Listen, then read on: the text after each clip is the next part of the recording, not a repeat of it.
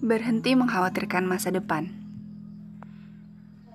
Cukup kamu mencari-cari bahagia. Rasakanlah kebahagiaan yang ada di sekitarmu.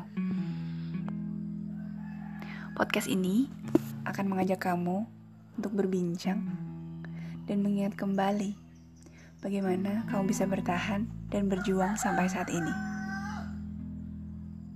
Kamu boleh mendengarkanku bercerita, kamu pun boleh bercerita. Aku tahu kamu pasti bahagia.